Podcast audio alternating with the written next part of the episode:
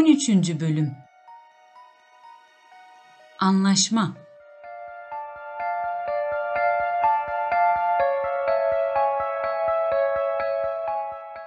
Aralık ayı bitiminde Gri Kunduz, Mitsa ve Kloklok'la birlikte Mackenzie ırmağı boyunca yukarı doğru yol alıyordu.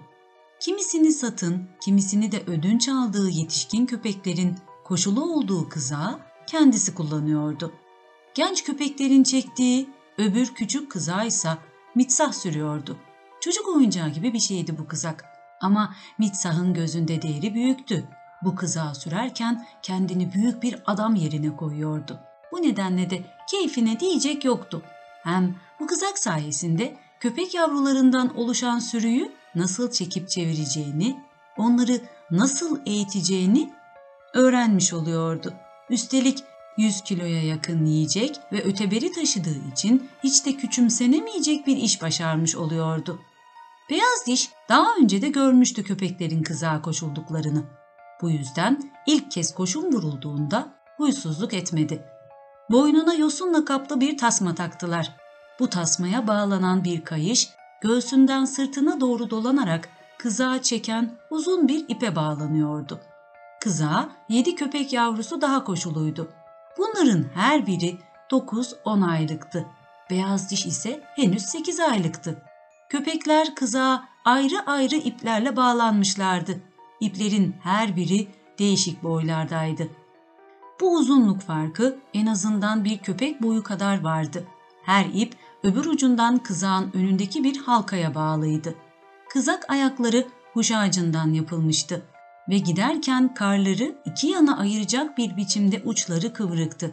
Ayrıca alçak oluşu sayesinde kızağın ve üstündeki ağırlığın zerrecikler halindeki yumuşacık kar üzerinde dengeli bir biçimde yayılmasını sağlıyordu. Köpekler de iplerin ucunda tıpkı bir yelpaze gibi açılıp yayılıyor, böylece hiçbiri öbürünün izine basmıyordu. Koşumların bu biçimde yapılmış olmasının bir başka yararı daha vardı. İplerin aynı boylarda olmaması köpeklerin birbirleriyle dalaşmalarını da engelliyordu. Köpeklerden biri ötekine sataşmak isterse kendisinden daha kısa iple bağlı olana doğru geri dönmek zorundaydı. Ama o zaman da hem saldırmaya kalktığı köpeğin dişlerine hem de kızak sürücüsünün kırbacına hedef oluyordu. Bu koşum yönteminin en büyük yararından biri de önde giden köpeğe saldırmak isteyen arkadaki köpeğin kızağı daha hızlı çekmesiydi. Böylelikle kızağın hızı daha da artıyor, buna karşılık kovalanan köpek de ister istemez daha hızlı koşmak zorunda kalıyordu. Bu durumda köpeklerden hiçbiri yakalamak istediği öndeki köpeğe yetişemiyordu. Kızağın dolu dizgin çekildiği beklenmedik durumlarda da sürücü hayvanlar üzerindeki egemenliğini artırıyordu. Mitsah babasına çekmişti, onun gibi akıllıydı. Bir zamanlar Lip Lip'in beyaz dişe çektirdiği acılar gözünden kaçmamıştı. Ama o sıralarda Lip Lip başkasının köpeği olduğundan hayvanı engellemek için arada bir taşa tutmanın ötesinde hiçbir şey yapamıyordu. Ama şimdi kendi malıydı Lip Lip. Onu en uzun ipe bağlamıştı. Böylelikle yaptıklarının acısını çıkarıyordu. Gerçi Lip Lip en öne bağlanmakla sürünün önderi olma onuruna eriyordu ya, aslında bununla çok şey yitiriyordu. Çünkü bu durumda sürüdeki arkadaşlarını çekip çevirmek şöyle dursun, onların gözünden düşüyor, gittikçe düşmanlıklarını kazanıyordu. En uzun ipe koşulu olduğu için köpekler önlerinde hep onu görüyorlardı. Ne zaman baksalar önlerinden kaçan tüylü bir kuyrukla birbiri ardından inip kalkan bir çift ayak görüyorlardı. Lip Lip'in bu görünümü diken diken olmuş kıllarına ve ışıl ışıl ışıldayan dişlerine oranla hiç de ürkünç değildi. Takımdaki köpekler onun önleri sıra koştuğunu görünce kendilerinden korkup kaçtığı sanısına kapılıyor, bu yüzden de dayanılmaz bir kovalama isteği duyuyorlardı. Kızak yola çıkar çıkmaz bütün sürü Lip Lip'in ardına takılıyor ve gün boyunca kovalıyordu. Önceleri Lip Lip başı çektiği için kendisini kıskanan kovalayanlarına geri dönüp saldırmaya kalkıyordu. Ama aynı anda Mitsa geyik bağırsağından yapılma uzun kamçısını suratında şaklatarak Lip Lip'i geri dönüp koşmak zorunda bırakıyordu. Lip Lip bu köpek sürüsünün hakkından gelebilirdi aslında ama kırbaç karşısında boynu büküktü. Bu nedenle koşulu olduğu ipi gererek var gücüyle koşuyor, ardından gelenlerin dişlerinden uzak durmaktan başka bir şey gelmiyordu elinden. Gel gelelim. Kızılderili'nin kafasında daha bin bir türlü kurnazlıklar yatıyordu. Sürünün başını çeken köpeği bu bir türlü bitmek tükenmek bilmeyen kovalamaca sırasında kayırıyormuş gibi görünüyor, hoşgörüyle davranıp lip lipi şımartıyor, böylelikle de öbür köpeklerin nefret ve kıskançlıklarının daha da artmasına yol açıyordu. Konakladıklarında Mitsah ötekilerin gözü önünde yalnızca Lip Lip'e et veriyordu. Bunu gören öbür köpekler de kuduruyordu. Mitsah'ın koruyuculuğu altında Lip Lip etini yerken bütün sürü kırbacın etki alanı dışında kalmaya çalışarak çevresinde öfkeyle dönüp duruyordu. Lip Lip etini yiyip bitirdikten sonra bile Mitsah sürüyü uzakta tutuyor, sanki ona bir parça daha et veriyormuş gibi davranıyordu.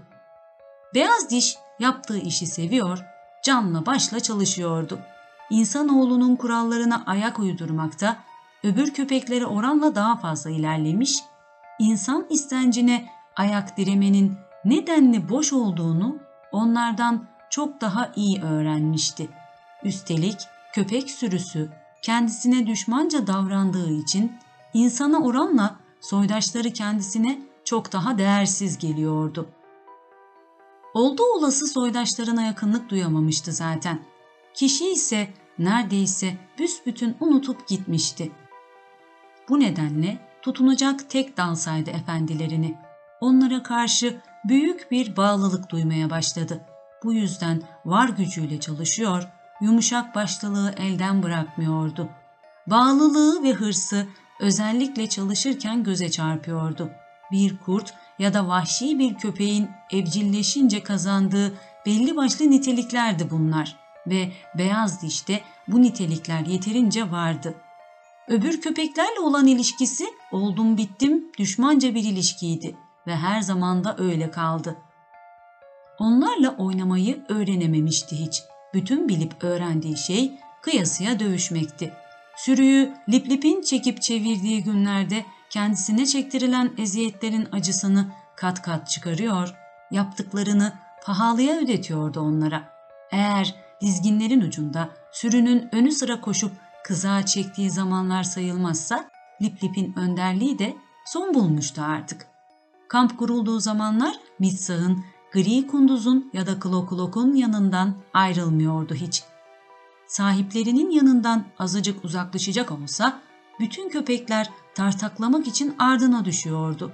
Tüm dişlerin hedefi oydu artık. Bir zamanlar beyaz dişe çektirdiği acıları şimdi kendisi tadıyordu. Liplip'e önderlikten el çektirildiğine göre onun yerine beyaz diş sürübaşı olabilirdi. Gel gelelim o bu görevi yürütmeyi istemeyecek kadar hırçın ve başına buyruk bir hayvandı. Sürüdekilere pek yüz vermiyor, gerektiğinde hırpalıyordu onları. Zaten onlar da beyaz dişin yolu üzerine pek çıkmıyor, en kabadayı geçinenleri bile önündeki et parçasını aşırmayı göze alamıyordu. Tam tersine beyaz diş gelir de etlerini kapar korkusuyla yalamadan yutuveriyorlardı hemen. Beyaz diş yasayı iyi biliyordu. Zayıf olan ezilir, güçlü olana ise boyun eğilirdi. Önüne konulur konulmaz kendi etini çarçabuk yiyip bitiriyor, gözünü hemen ötekilerinkine dikiyordu. Eğer o anda yiyeceğini henüz bitirmemiş bir köpek varsa zavallıcık ağzını havaya açmak zorunda kalıyordu. Beyaz diş hemen dişlerini göstererek hırlıyor, köpeğin payını kaptığı gibi bir anda silip süpürüyordu. Bu sırada köpek de acı acı uluyarak üzüntüsünü dile getirmekten başka bir şey yapamıyordu. Arada bir beyaz dişin aldığı haraca karşı çıkıp baş kaldırmak isteyenler de olurdu. Ama kısa zamanda ağzının payını alır, süt dökmüş kediye dönerdi. Bu tür çatışmaların başlamasıyla bitmesi bir olurdu. Öbür köpeklere oranla çok daha hızlı ve çevikti. Düşmanları daha neye uğradıklarını anlamadan yara bere ve kan revan içinde kalır, daha karşı koymaya fırsat kalmadan kavgayı yitirmiş olurlardı. Efendileri kendisine nasıl katı ve hoşgörüsüz davranıyorsa Beyaz Diş de arkadaşlarına aynı sertlikle davranıyordu. Başlarına buyruk davranmalarına, saygısızlıkta bulunmalarına hiçbir zaman göz yummuyor, onlara hiç yüz vermiyordu. Birbirlerine karşı nasıl davranırlarsa davransınlar umrunda bile değildi. Ama canını sıkmamalarını, aralarından geçerken yolu üzerine dikilmemelerini, kendi üstünlüğüne boyun eğmelerini istiyordu. Ayak direyenlere, ona diş bileyenlere, tüylerini kabartarak meydan okumaya kalkışanlara acımasızca ve vahşice saldırıyor, hadlerini hemen o anda bildiriyordu. Acıma nedir bilmeyen bir zorbaydı beyaz diş. Üstünlüğünü zorla kabul ettiren taş yürekli bir hayvandı. Çocukluğundan beri kendini amansız bir ölüm kalım savaşının içinde bulmuştu. Anasıyla birlikte tek başlarına ve yardımsız bir durumda korkunç bir yaşama mücadelesi vermiş, vahşi ormanların düşmanca ortamı içinde korunmak için kıyısıya savaşmışlardı. Güçlü yaratıklar karşısında alttan almayı boşuna öğrenmemişti. Evet, zayıfları eziyordu ama güçlülere karşı her zaman saygılı davranıyordu. Gri kunduzla çıktıkları uzun yolculuk sırasında uğradıkları yabancı kamplardaki yetişkin köpekler arasında korka çekine dolaşmıştı hep. Aylar ayları kovaladı. Gri kunduzun yolculuğu hala sürüyordu. Beyaz diş kızak çeke çeke ve bitmek tükenmek bilmeyen didinmeler sonucunda gittikçe gelişip güçlendi. Aklı her şeye eriyordu, olgunlaşmıştı artık. İçinde yaşadığı dünyayı adam akıllı tanımıştı. Bomboş ve maddiydi bu dünya. Kaba, sert, acımasız ve soğuktu. Sevgiden, okşamadan, sevecenlikten eser yoktu bu dünyada. Gri kunduz için beslediği duygulara sevgi denemezdi. Evet, gri kunduz insan olmasına insandı, doğruydu bu ama zorba ve acımasız bir insandı. Onun üstünlüğüne seve seve boyun eğiyordu ama bu üstünlük üstün bir zekaya ve amansız bir güce dayanıyordu. Kendisinden üstün bir efendiye özlem duyuyordu. Özgürlüğüne kavuşmuşken ormandan geri dönmezdi yoksa. Yaratılışının derinliklerinde uyuklayan bir takım karanlık noktalar vardı. Bir çift tatlı söz, okşayan bir el bu derinliklere ulaşıp o karanlık noktaları uyandırabilirdi. Gel gelelim gri kunduz onu ne okşadı ne de tatlı sözler söyledi. Böyle huyları yoktu onun. Üstünlüğü kaba sabaydı. Dediğim dedikti. Adaleti sopayla dağıtırdı. Suçu tokatla cezalandırırdı. Oysa iyi bir hareketi sevip okşayarak değil, dayak atmamakla ödüllendirirdi. Bu nedenle beyaz diş insan elinin sunacağı mutluluklara yabancı kalmıştı. Hem insanoğullarının elini de hiç mi hiç sevmiyordu zaten. Oldum bittim kuşku duymuştu ellerden. Gerçi bu eller ara sıra et atardı önüne ama çoğu zaman dayak atar, acı verirdi. Kaçınılması gereken tehlikeli şeylerdi eller. Taşları onlar fırlatır, sopa ve kamçıları onlar savurur, yumruk ve tokatları onlar patlatırdı. Ve ne zaman kendisine dokunacak olsalar ya çimdikler ya sıkar ya da fiske vururlardı. Uğradıkları yabancı köylerdeki çocuk illerinin de acımadan can yaktığını öğrendi. Bir gün daha adım atmasını bilmeyen bir oğlan çocuğu az kalsın gözünü çıkaracaktı. Başına gelen bütün bu olaylardan sonra beyaz diş tüm çocuklardan pirelenir oldu. Bir türlü yıldızı barışamamıştı onlarla. Can yakmak için fırsat kollayan elleri ne zaman kendisine yaklaşacak olsa hemen alır başını çeker giderdi. Büyük Esir Gölü yöresindeki bir köyde Gri Kunduz'un kabul ettirdiği yasayı biraz olsun yumuşatan bir olay geçti beyaz dişin başından. Bu yasaya göre bir insanoğlunu ısırmak işlenebilecek suçların en büyüğüydü. Ama bu suçun bile sırası geldiğinde bağışlanabileceğini öğrendi. İşte o köyde beyaz diş her köpeğin yapacağı gibi kaşla göz arasında kendisine yiyecek bulmak için ortalığı kollamaya başladı. Derken bir oğlan çocuğu gördü. Baltayla donmuş bir geyik etini parçalıyordu. Çocuğun baltayı her savuruşunda çevreye donmuş geyik etleri saçılıyor, et parçaları karların orasına burasına düşüyordu. Usulca yaklaştı. Savrulan et parçalarını mideye indirmeye başladı.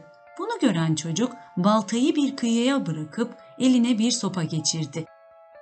Beyaz diş sopa tam sırtına inerken son anda sıçrayıp kıl payıyla kurtuldu. Çocuk bunun üzerine kovalamaya başladı. Beyaz diş köyün girdisini çıktısını bilmediği için iki çadır arasından geçerken bir duvarın önünde kısılıp kaldığını fark etti. Tam anlamıyla kapana kıstırılmıştı. Kaçıp kurtulabileceği tek yol bu çadırların arasından geçiyordu ve bunu da çocuk kapamıştı. Çocuk sopasını kaldırıp kıstırdığı kurbanın üzerine yürüdü. Beyaz dişin adalet damarı kabarmış, öfkelenmişti. Tüyleri diken diken oldu. Dişlerini gösteren bir hırlamayla çocuğu karşılamaya hazırlandı. Et artıklarının bunları bulan köpek tarafından yenilebileceğini biliyordu. Bunda bir kötülük olmadığını, hiçbir yasayı çiğnemediğini de biliyordu. Gel gelelim bu çocuk yine de dövmek istiyordu onu. Bu düşünceyle beyaz dişin aklı başından gitti. Öfkeden kendini unutuverdi. Yapacağını öylesine kısa bir zamanda yaptı ki çocuk neye uğradığını anlayamadı. Kendini bir anda boylu boyunca karların üzerinde bulmuş, sopayı tutan elinde beyaz dişin dişlerince açılmış yarayı gördüğü zaman olup biteni ancak kavrayabilmişti. Beyaz dişe gelince insanlardan birinin etini dişlemekle yasayı çiğnediğini bal gibi biliyordu. Cezalardan ceza beğenmeliydi şimdi. Bunu pahalıya ödeyecekti. Tabanları yağladı hemen. Gidip gri kunduzun dizleri dibine sığındı. Isırılan çocukla ana babası cezalandırılması için şikayete geldiler. Ama bu hevesleri kursaklarında kaldı. Çünkü gri kunduz beyaz dişten yana çıktı. Mitsah'la Kloklok da onu savundu. Ağız dalaşına kulak kesilen ve öfkeli tavırları dikkatle izleyen beyaz diş, davranışının haklı görüldüğünü anladı. Demek ki insandan insana fark vardı. Ve bu olayda bunu yeterince kanıtlıyordu işte. İnsanlar iki bölüktü. Kendi efendileri ve yabancı insanlar. İster haklı, ister haksız olsun kendi efendilerine boyun eğmek zorundaydı. Ama öbür yabancı insanların yaptığı adaletsizliklere katlanmak zorunda değildi. Böyle haksızlıklara dişlerini kullanarak karşı koyabilirdi. O gün sona ermeden bu yasaya ilişkin daha bir yığın bilgi edinecekti beyaz diş. Mitsah odun toplamak için tek başına ormana gittiğinde eli ısırılan oğlana rastladı. Çocuğun yanında arkadaşları vardı. Aralarında şiddetli bir ağız dalaşı patlak verdi derken hep birlikte Mitsah'ın üzerine çullandılar. Mitsah zor durumdaydı. Dört bir yandan patküt vuruyorlardı. Beyaz diş başlangıçta bir an için seyirci kaldı kavgaya. Bu insanların kendi sorunuydu ve kozlarını paylaşıyorlardı. Onu ilgilendirmeyen işlere burnunu sokmaya niyetli değildi. Derken birdenbire saldırıya uğrayanın kendi efendilerinden biri olduğunu gördü. Mitsah'ın ta kendisiydi bu. Onu işe karışmaya iten şey yargılama sonucu doğan bir karar değildi. İster istemez büyük bir öfkeye kapılmış ve bu çılgınca öfke onu çocukların arasına dalmak zorunda bırakmıştı. Beş dakika sonra çocuklar çil yavrusu gibi dağılmıştı. Kaçışan kaçışanaydı. Karların üzerindeki kan lekelerine bakılırsa çocuklardan birçoğunun vücudunda beyaz dişin dişlerince açılmış ısırık izleri vardı. Mitsah kampa dönünce böyleyken böyle deyip bütün olup bitenleri anlatınca gri kunduz bol bol et verilmesini emrederek beyaz dişi ödüllendirdi. Karnını tıka basa doyuran beyaz diş ateşin yanında uyuklarken böyle yapmakla nedenli doğru davrandığını daha iyi anlıyordu. Başından geçen bu tür olaylar sonucunda beyaz diş mülkiyet yasasını ve mülke göz kulak olma yükümlülüğünü öğrenmiş oldu. Efendisini korumakla onun mülküne göz kulak olma arasındaki kısacık yolu bir adımda aldı. efendisinin malı başka insanları yaralamak pahasına da olsa bütün dünyaya karşı korunmalıydı. Böyle bir davranış yalnızca kuralları saygısızca çiğnemek değil, aynı zamanda tehlikeli bir suç işlemek anlamına da geliyordu. Ama bunu yapmak göreviydi. İnsanlar güçlüydüler. Bir köpek olarak onlarla boy ölçüşemezdi. Her şeye karşın beyaz diş yırtıcılığıyla onlarla baş etmesini bildi. Korkusuzca karşı koymayı öğrenmişti artık. Görev sorumluluğu korku duygusuna baskın çıkıyordu ve hırsız insanlar gri kunduzun malına el sürmemeyi öğreniyorlardı. Beyaz diş hırsızlık yapan insanların genellikle ötlek olduğunu, sıkıyı görür görmez tabanları yağlamaya çoktan hazır olduğunu, üstelik tehlikeyi bildirdikten kısa bir süre sonra gri kunduzun hemen imdadına koştuğunu çabucak öğrendi. Aslında hırsız kendisinden çok gri kunduzdan çekiniyordu. Beyaz diş havlayarak ortalığı velveleye vermiyordu. Hiçbir zamanda havlamamıştı zaten. Onun izlediği yol hırsızı görür görmez saldırıya geçmek ve fırsatını bulduğu anda ısırmaktı. Öbür köpeklerin arasına karışmayıp yapayalnız, geçimsiz bir yaşam sürdürdüğünden efendisinin malını canla başla koruyabiliyordu. Bu işte ustalaşması için gri kunduz da elinden geleni yapıyordu. Amacı beyaz dişin teke tek kaldığında düşmanıyla baş edebilecek güçte, daha vahşi, daha korkusuz bir hayvan olmasını sağlamaktı. Aylar geçiyor ve köpekle insanoğlu arasındaki anlaşma gittikçe pekişiyordu. Çok eskilere dayanan bir anlaşmaydı bu. Ta ilk kurdun ormandan kaçıp insanla yakınlaştığı günlerden beri süre geliyordu. Beyaz diş çabalarıyla bu anlaşmaya kendinden yana bir nitelik kazandırdı.